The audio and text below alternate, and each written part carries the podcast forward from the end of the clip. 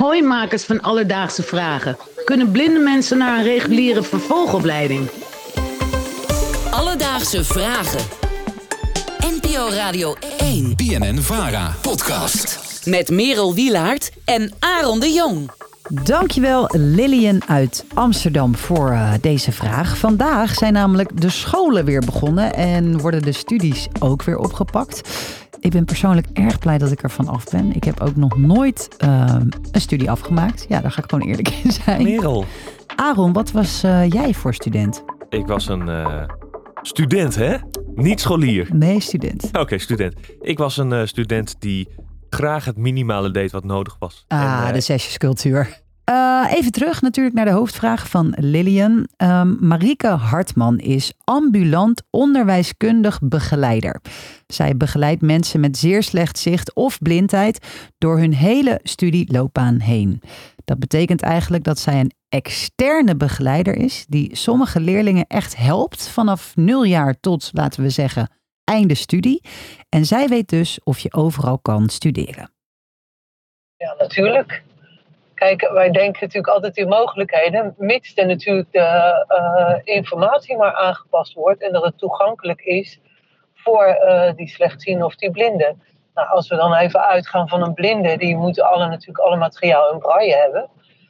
Nou ja, als je computervaardig bent, dan kan je uh, heel veel materiaal om laten zetten en dan kan je het lezen als er informatie in Word is en ook ehm, internet is toegankelijk dan kan er een braille leesregel gekoppeld worden aan een computer. En dan is de helft van de leesregel komt dan omhoog in braillepuntjes.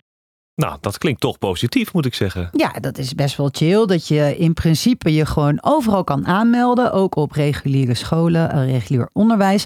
Als er natuurlijk maar rekening met je wordt gehouden. Dus dat is in dit geval alleen al het schrift. Maar het is natuurlijk ook wel fijn als het pand toegankelijk is en dat je uh, geholpen wordt met naar de juiste lokalen gaan. Uh, ik kan me ook voorstellen dat het toch heel moeilijk wordt als je aan opleidingen denkt waar zicht nou eenmaal een hele belangrijke rol speelt. Kijk, als je blind bent, kan je geen piloot worden. Dus je moet natuurlijk wel realistisch zijn en kijken naar uh, de eisen die de studie heeft. Dus de, de, de, eigenlijk de en de beroepseisen natuurlijk. Want als je een studie, vaak is de studie nog wel haalbaar, maar als je het beroep niet kan uitvoeren waarvoor je hebt geleerd, dan is het natuurlijk ook niet zo zinvol. Uh, bijvoorbeeld rechten is een hele duidelijke studie die ze kunnen doen, want alle informatie kan je natuurlijk goed lezen. Studietechnisch klinkt het in ieder geval allemaal leuk en aardig, maar hoe werkt het echt in de praktijk? Alledaagse vragen. Marika, de begeleider, is er duidelijk over. Studeren is absoluut mogelijk voor blinde mensen op reguliere scholen. Maar word je ook altijd toegelaten als je je aanmeldt? En voornamelijk wordt er echt rekening met je gehouden. Daarover spraken we Joelle. En Joelle heeft het syndroom van Asher, waardoor zij steeds blinder en dover wordt. En zij weet heel goed hoe het er op school in de praktijk aan toe gaat. Het is een uitdaging um, door mijn cochleair implantaat kan ik wel relatief veel volgen. Alleen, um, ja, het is ook voor mij de docent vooraf altijd informeren van goh, heb je nog uh, PowerPoints wat je gaat gebruiken? Zou je willen denken aan de achtergrond, dat het niet te fel is, dus een donkere achtergrond met lichte letters, dat soort dingen. Um, dat informeer ik zelf allemaal vooraf en dan moet ik allemaal ja, zelf bedenken om dat te doen. Daar groei je in. Jij hebt die aanpassingen nodig, dus jij moet het regelen. En die begeleiders helpen ook wel daarin mee. Van als jij het zelf nog niet zo goed kan, bijvoorbeeld op de middelbare school, ja, dan ben je 12. Ja, uh, hoe werkt dat allemaal? Maar nu ben ik 21, dus ik weet ondertussen hoe het allemaal werkt. Jemig zeg. Ja, het wordt vooral heel duidelijk hoeveel initiatief je zelf moet nemen, toch? Ja, hartstikke vervelend voor die mensen. Want ja, je bent natuurlijk altijd die uitzondering. En dan vind ik het heel kwalijk dat ja, je niet wat meer tegemoet gekomen wordt. In nou ja, die... en dat je er dus zelf ook, omdat die klachten individueel zo kunnen verschillen, dat je zelf de hele voor je eigen dingen moet opkomen. Ja. Ik vond het best wel heftig om te horen. Um, Marika, die we al vaker hebben genoemd, die herkende ook best wel het verhaal van Joelle.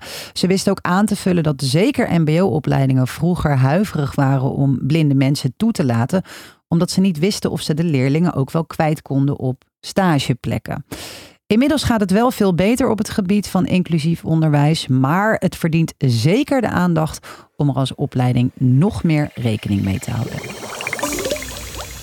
Lillian, om terug te komen op jouw vraag. Het is zeker mogelijk om een reguliere vervolgopleiding te volgen als je blind bent. Of het altijd aantrekkelijk wordt gemaakt, is per studie afhankelijk.